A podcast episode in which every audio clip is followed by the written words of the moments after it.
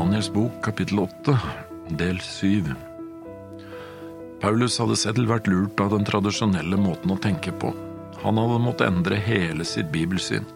Bort fra det fariseistiske, tradisjonelle verdensbildet til det lyset Gud hadde åpenbart for ham.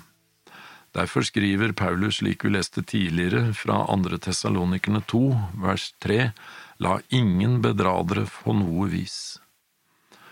Han hadde sett på den jødiske menigheten som den som hadde autoritet og bar fram sannheten. Han trodde han tjente Gud, han var lydig mot autoriteten i menigheten, og sjokket må ha vært stort da han møtte Jesus på veien til Damaskus og oppdaget at han hadde forfulgt Guds menighet. Pavedømmet hevder at Peter var den første pave, og at Jesus gav han himmelnøklene og de tolker det som at kirken har fått sin autoritet derfra, og at det siden har vært en ubrutt rekke med paver, en apostolisk suksesjon. Men hva var det Jesus ga Peter, og hva betyr det at Peter fikk himmelnøklene? Du finner historien om Peter og himmelnøklene i Matteus kapittel 16. Men Peter fikk ingen bestemmelsesrett over hvem som skulle få adgang til himmelen eller ikke. Når Jesus sier til han i vers 18, Jeg sier deg at du er Peter, ble ikke Peter den første pave. Peter hevder aldri at han var noe mer enn noen andre. Jesus sa, Du er Peter. Peter var ikke klippen, han var Peter. Peter er oversatt fra Petros, som betyr en liten stein eller en del av en klippe. Det Jesus sier er, på denne klippet vil jeg bygge min menighet, og dødsrikes porter skal ikke få makt over den. Denne klippet var Jesus, ikke Peter. Klippet er her oversatt fra Petra, som betyr en massiv stein, en klippe. Legg merke til at Jesus sier ikke at det er Peters menighet, han sier på denne klippet vil jeg bygge min menighet, og dødsrikes porter skal ikke få makt over den. Jesus sin menighet er bygd på klippen, som er Jesus selv. I første Peters brev, kapittel to vers fire, så henviser ikke Peter til sin autoritet, han sier ikke kom til meg. Han sier kom til ham, den levende stein, som vel ble vraket av mennesker, men er utvalgt og dyrebar for Gud. Og Paulus skriver også i første Korinterbrev 10 og vers 4, og de drakk alle av den samme åndelige drikk, for de drakk av den åndelige klippen som fulgte dem, og klippen var Kristus. Da Jesus i vers 19 sier Jeg vil gi deg nøklene til himlenes rike, og det du binder på jorden skal være bundet i himmelen, og det du løser på jorden skal være løst i himmelen, gir han ikke Peter rett til å bestemme hvem som skal bli frelst og hvem som skal gå fortapt. Det han gir han, er nøklene til å åpne Guds ord for andre mennesker, slik at de kan komme til vår ypperste prest, som er Kristus, for å få tilgivelse og legedom for synd. Et menneske, en prest, kan ikke tilgi synd, det er bare Kristus som kan det. De andre disiplene fikk også samme makt som Peter, du ser det i Matteus kapittel 18 og vers 18. I åpenbaringen 1.18 hevder Jesus at det er han som fremdeles har nøklene til døden og dødsriket, så han kan ikke ha gitt dem fra seg. I Lukas kapittel 11 vers 52, da Jesus holder sin vedtale over fariseerne og de lovkyndige, anklager han dem for å ha tatt kunnskapens nøkkel. Når Matteus skriver om det samme i kapittel 23 og vers 13, sier han ved dere, skriftleide og fariseere, altså stakkars dere, fariseere og skriftlærere, dere hyklere, som stenger himlenes rike for menneskene. Selv går dere ikke inn, og dem som er i ferd med å gå inn, tillater dere ikke å gå inn. Det er Guds ord som er nøkkelen, fordi det er inspirert av Guds ånd, og når vi fyller oss med det, kan Guds ånd åpne vår forstand slik at lyset i ordet kan åpne eller stenge for himlenes rike inni oss, ut ifra den responsen vi selv gir på det som forkynnes. Som noen har himmelnøklene, det kan du selv finne ut av. Ved å sjekke om det de sier er i harmoni med Guds ord, eller om det er i opposisjon til det, og om det åpner eller lukker for en omvendelse som leder til et rent liv. Når Kirken mener at paven er Guds sønns vikar og har autoritet til å endre de ti bud hvilken dag som er hviledag, at presten har makt til å tilgi synd, setter de seg over Guds ord. Jeg tror det er å kaste sannheten til jorden.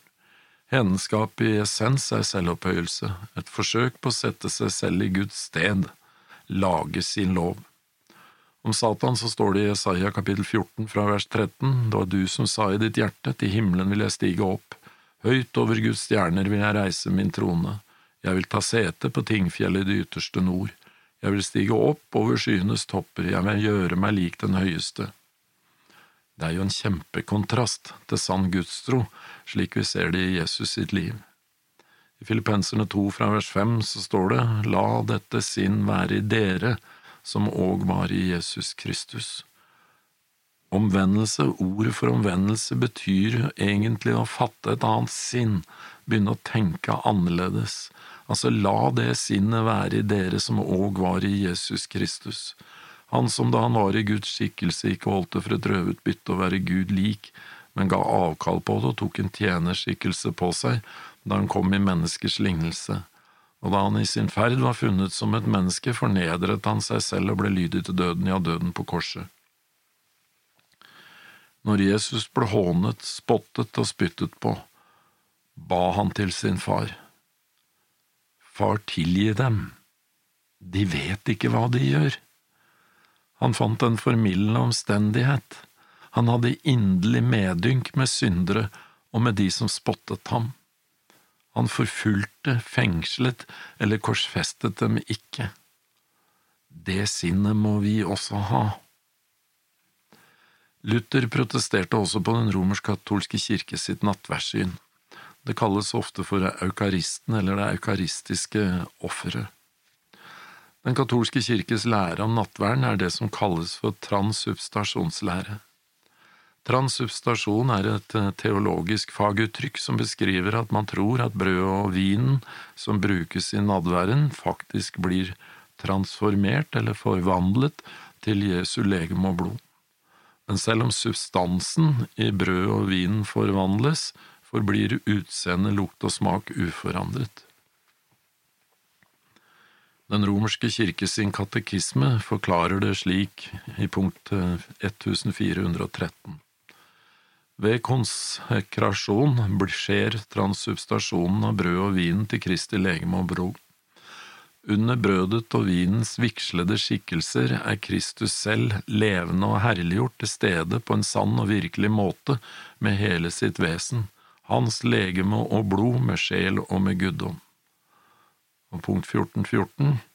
Som offer bæres også eukaristien fram som soning for levende og døde synder, og for å oppnå åndelige eller timelige velgjerninger hos Gud.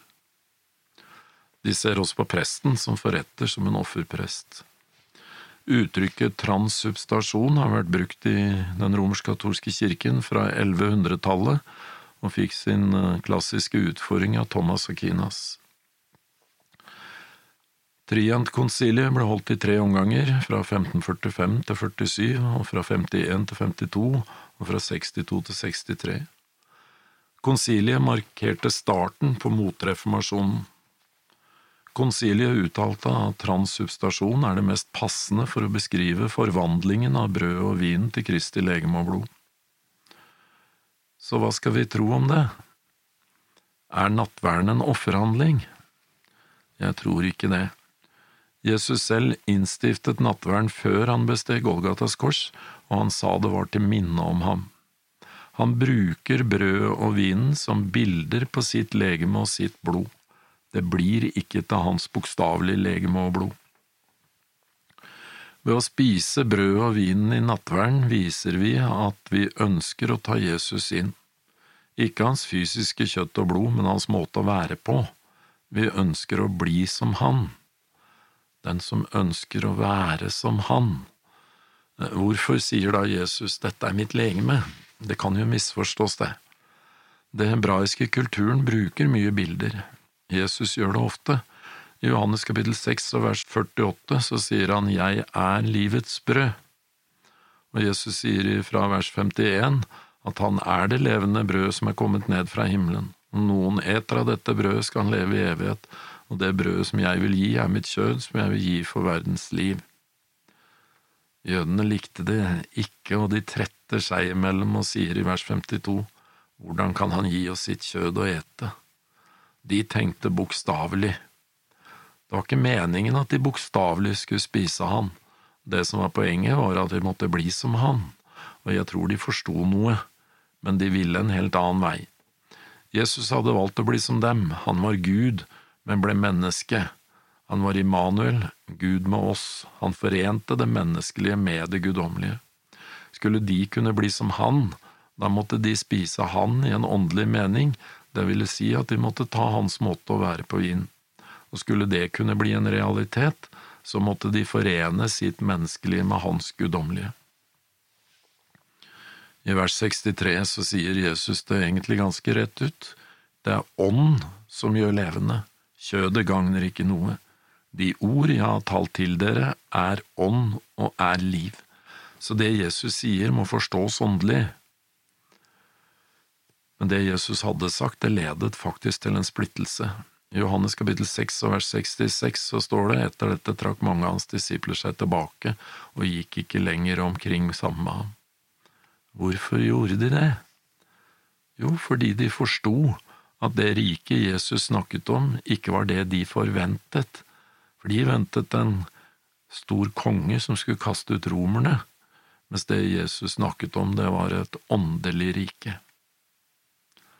Vi kan jo tygge litt på en tekst fra Jeremia kapittel 15 og vers 16, hvor det står Jeg fant dine ord, og jeg åt dem. Det er ingen som river ut bibelsidene og bokstavelig svelger dem ned og tror at det skal være til nytte for dem. Det er et bilde. Åndelige ting må forstås åndelig, og det er slik med nattverden også. Brødet er et bilde på Jesus, akkurat slik lammet i Gamletestamentet også var det. I Gamletestamentet så uttrykte de sin tro ved å spise påskelammet, men lammet var ikke Jesus, det var et bilde på Jesus, og i Nye testamentet uttrykker vi vår tro ved å spise nattverdsbrødet, men brødet er ikke Jesus, det er et bilde på Jesus, det er til minne om ham. Men vi får eh, avslutte her nå, og så får vi gå videre neste gang.